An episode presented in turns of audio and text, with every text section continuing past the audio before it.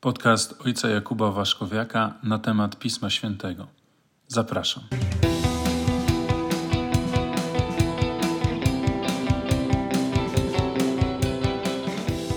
Szczęść Boże.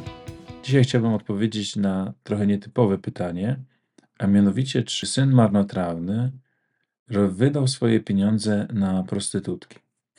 Takie trochę nietypowe pytanie, ale uważam bardzo zasadne, ponieważ starszy brat, który nie chciał wejść do domu, kiedy syn marnotrawny wrócił, powiedział do swojego ojca następujące słowa: Oto tyle lat ci służę i nie przekroczyłem nigdy twojego nakazu, ale mnie nigdy nie dałeś koźlęcia, żebym się zabawił z przyjaciółmi. Skoro jednak wrócił ten syn twój, który roztrwonił twój majątek z nierządnicami, kazałeś zabić dla niego utuczone ciele.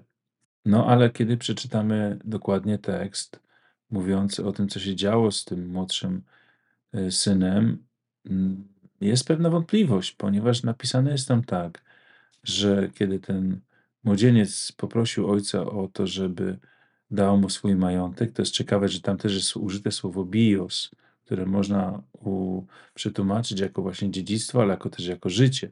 Zabrał swoje życie po prostu. I wyjechał w dalekie strony. I jest napisane, i tam roztrwonił swą własność, żyjąc rozrzutnie. Mamy po polsku przetłumaczone, że żyjąc rozrzutnie. To słowo rozrzutnie, asotos, ma jednak dwa znaczenia. Można przetłumaczyć rzeczywiście, i to ma pierwsze główne znaczenie, asotos rozrzutnie, ale słuchajcie, ma jeszcze drugie znaczenie. Ma znaczenie, że y, rozpustnie, w sensie moralnym właśnie rozpustnie. I tak faktycznie, bo to słowo tylko występuje w Biblii dwa razy. Właśnie w tym tekście i w Księdze Przysłów w siódmym rozdziale i tam jest użyte już jako y, właśnie w tym znaczeniu rozpustnie. Jak to jest napisane w Księdze Przysłów y, odnośnie kobiety rozpustnej, podniecona, nieopanowana, nie ustoi w domu jednoga. Właśnie podniecona, nieopanowana, asotos. I tutaj też dlatego tak się zakłada, że w tym tekście nie jest do końca jasne, czy ten młodszy syn wydał tylko rozrzutnie te pieniądze, czy rzeczywiście na, e, na te prostytutki. Bo można przyjąć, że wydał te pieniądze nieroztropnie, po prostu no, był młody, chciał zaszaleć, zaszalał, pieniądze się skończyły, ale niekoniecznie w sposób grzeszny. Dlaczego to jest takie ważne? Ponieważ to zachowanie starszego brata, który mógł nic nie wiedzieć, co się dzieje z jego młodszym bratem, mogło, ta złość w nim mogła być tak wielka, że zafunkcjonowało to, co my nazywamy złośliwą wyobraźnią.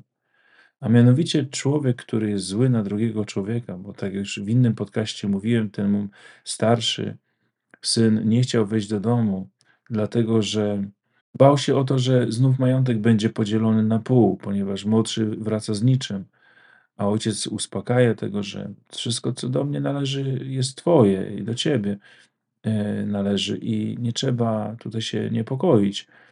Mm, I ten starszy brat, właśnie, który był tak zagniewany całą tą sytuacją, wydaje się, że przypisuje temu młodszemu e, swojemu bratu grzechy, których nigdy nie popełnił, a to, o czym mówi, to jest po prostu jego złośliwa wyobraźnia. Nic więcej. Często tak bywa, że ludzie, którzy nie lubią jakiejś osoby, przypisują tej osobie grzechy, które, które wcale mogła nie popełnić. A, a mówią najczęściej tak, że ja go znam, wiem, że on by to zrobił, na pewno by to zrobił. A potem się okazuje, że wcale nie zrobił. Jest coś takiego jak złośliwa wyobraźnia. Wyobraźnia która zbudowana jest na bazie, no nie, nie zawsze nienawiści, ale pewnej nieżyczliwości względem pewnej osoby. dlatego też trzeba y, rzeczywiście bardzo nam uważać, bo ten młodszy syn, y, jego sytuacja rzeczywiście była dramatyczna, ale sytuacja starszego syna mm, wcale nie jest taka rewelacyjna. On również ma problemy, których nigdy pewnie nie przerobił w sobie i, yy, I wydaje się, że on będzie musiał również popracować nad sobą, żeby może nawet, żeby dostrzec to, co w nim jest, a, a może jest bardzo ukryte. Właśnie ta zgorzkniałość, ta nieżyczliwość, brak miłości, podejrzliwość i tak dalej.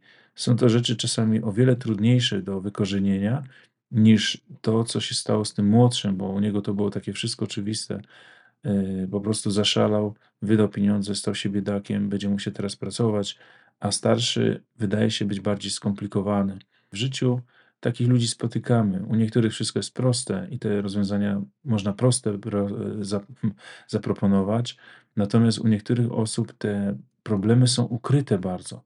Bardzo trudno zrozwikłać niektóre osoby, gdyż ich, e, ich sytuacja jest bardziej zawiła, ich myślenie jest bardziej skomplikowane i te trudności, które są w tych ludziach, są bardzo ukryte czasami, i dlatego też potrzebna jest właśnie modlitwa i pomoc też Ducha Świętego niekiedy naprawdę, żeby zrozumieć, jak pomóc innej osobie, która nosi w sobie takie zranienia bardzo ukryte.